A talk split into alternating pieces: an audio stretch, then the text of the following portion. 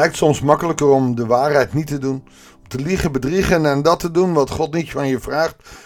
Want het gras lijkt bij de ongelovigen gebeuren altijd, ja, wat zullen we zeggen, groen. Terwijl het hartstikke geel is, doods is en niks zegt, maar als het ware groen geverfd wordt. Maar wij zien het met verkeerde ogen. En dat gebeurt ook in Israël.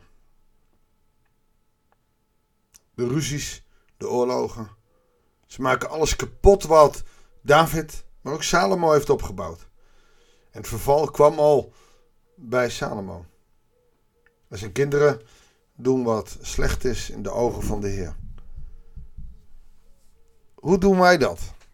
Als ik om me heen kijk, zijn er zoveel mensen die niet meer met God bezig zijn. Marchanderen of nauwelijks. Zouden onze kinderen de normen en waarden overnemen van ons? Nee toch? Ook daar wordt gemarchandeerd. Ik zie het bij mijn eigen gezin. Lastig is dat. En soms denk je het niet in de hand te hebben en soms heb je het ook niet in de hand. Maar wat er in Israël gebeurt, wat er in koningen gebeurt, staat echt niet heel ver af van de werkelijkheid van vandaag. Laten we mogen gewoon uit lezen en misschien ook van leren. Goeiedag, hartelijk welkom bij een nieuwe uitzending van het Bijbels Dagboek. We lezen 1 Koningen 14, vers 21 tot en met 31. Regabiam, de zoon van Salomo, was dus koning van Juda. Hij was 41 jaar oud toen hij koning werd.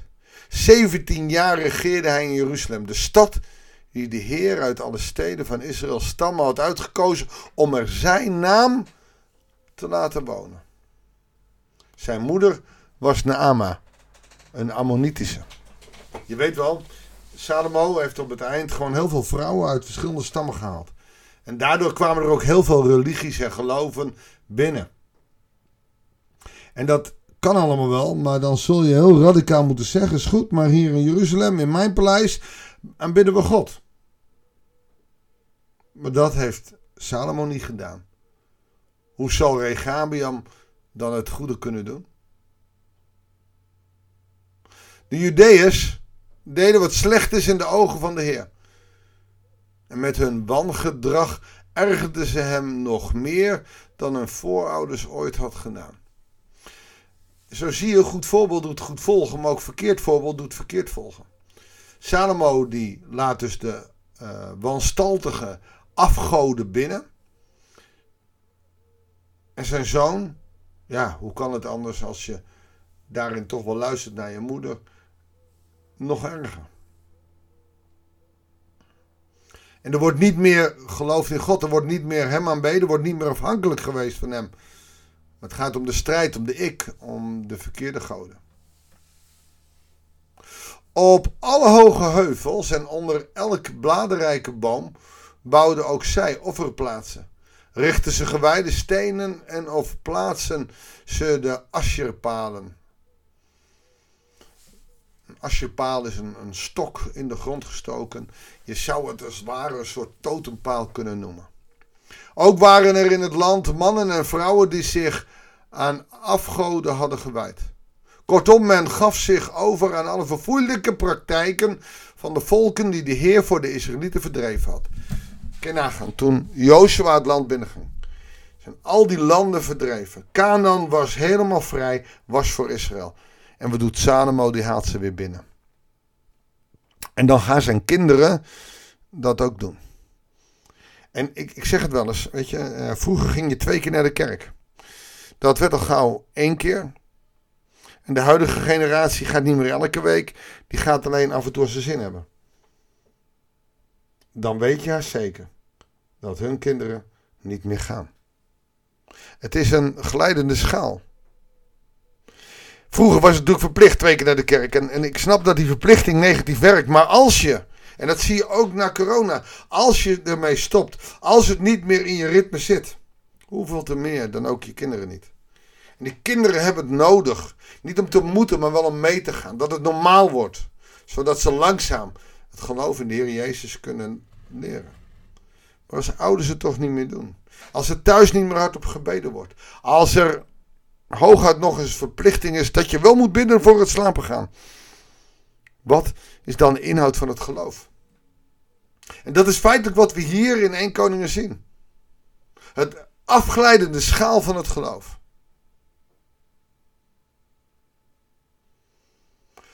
In het vijfde jaar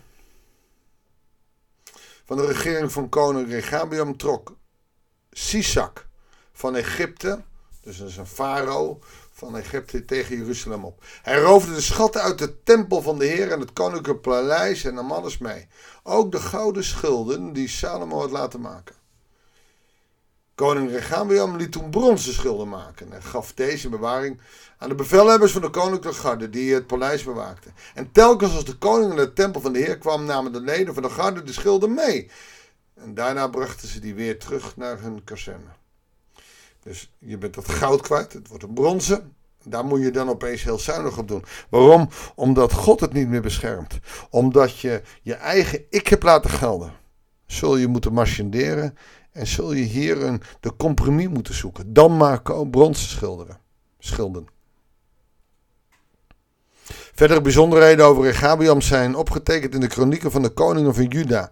Regabiam en Jerobeam waren voortdurend met elkaar in oorlog. Het tweestam en het tienstammenrijk waren constant in oorlog. En je ziet het toch ook bij ons in gezinnen, in kerken. Als er een scheurenkje is, dan meest is er strijd. In elke scheiding gaan mensen rechtstreeks tegenover elkaar staan. Is er strijd. En dat is in de kerken, dat is in relaties, dat is overal zo. En toen Regabiam stierf, werd hij begraven bij zijn voorouders in het Davidsburg. Zijn moeder was Naama een Ammonitische. Wordt er nog een keer bij gezegd. Een buitenlandse. Een iemand die afgoden uh, diende. En zijn zoon Abiam volgde hem op. Geheid dat het morgen over Abiam gaat. En dan zien we dat we nu in de verkorte versie steeds weer de koningen tegenkomen. Die kwaad doen of die goed doen. Want telkens zien we wel weer een opleving. En ook nu voor ons moeten we niet denken dat het over is. Want het kleine beetje christenen wat nog naar de kerk gaat, is van ongelooflijk groot belang. Het gaat er alleen om, hoe gaan we ermee om? Is het een moeten? Is het een... We hebben af te rekenen met een kerk die altijd streng is geweest. Die altijd regeltjes had. En wat lang niet altijd even goed was. We zullen moeten kijken wat we houden en wat we nieuw zijn. We zullen moeten kijken naar hoe we kerk in deze tijd zijn. En dat, dat kunnen we leren. Van Salomo en zijn zoon. Opdat we niet worden zoals Regabiam. En dus ook niet als Salomo aan het eind. Dat we alles maar binnenlaten, dat alles maar moet kunnen. Welke leer we volgen? Doe die van Jezus maar. Ik denk dat dat de meest veilige manier is. En ook dan zal er nog constant strijd zijn. Laten we bidden om eenheid in de kerk. Om een uitstraling van positiviteit. Zodat mensen aan ons kunnen zien dat ze wat missen als ze niet in God geloven. Mag ik je voorgaan in gebed? Heere God, ook nu vragen we weer om de kracht van uw geest. Om de kerk in Nederland te redden, uw kerk. Om dat wat overgebleven is radicaal in u te laten geloven, maar op een manier waarop, we, waarop het lijkt, nee, waarop we mensen zien dat we plezier hebben. Want het is zo gaaf om in u te geloven. Het is zo mooi om daarmee bezig te zijn. Heer, leer ons u te volgen, uw wil te doen. En dat uit te stralen aan de mensen om ons heen. Dat bidden we u. In Jezus' naam. Amen. Dankjewel voor het luisteren. Ik wens je God zegen en heel graag tot de volgende uitzending van het Bijbels Dagboek.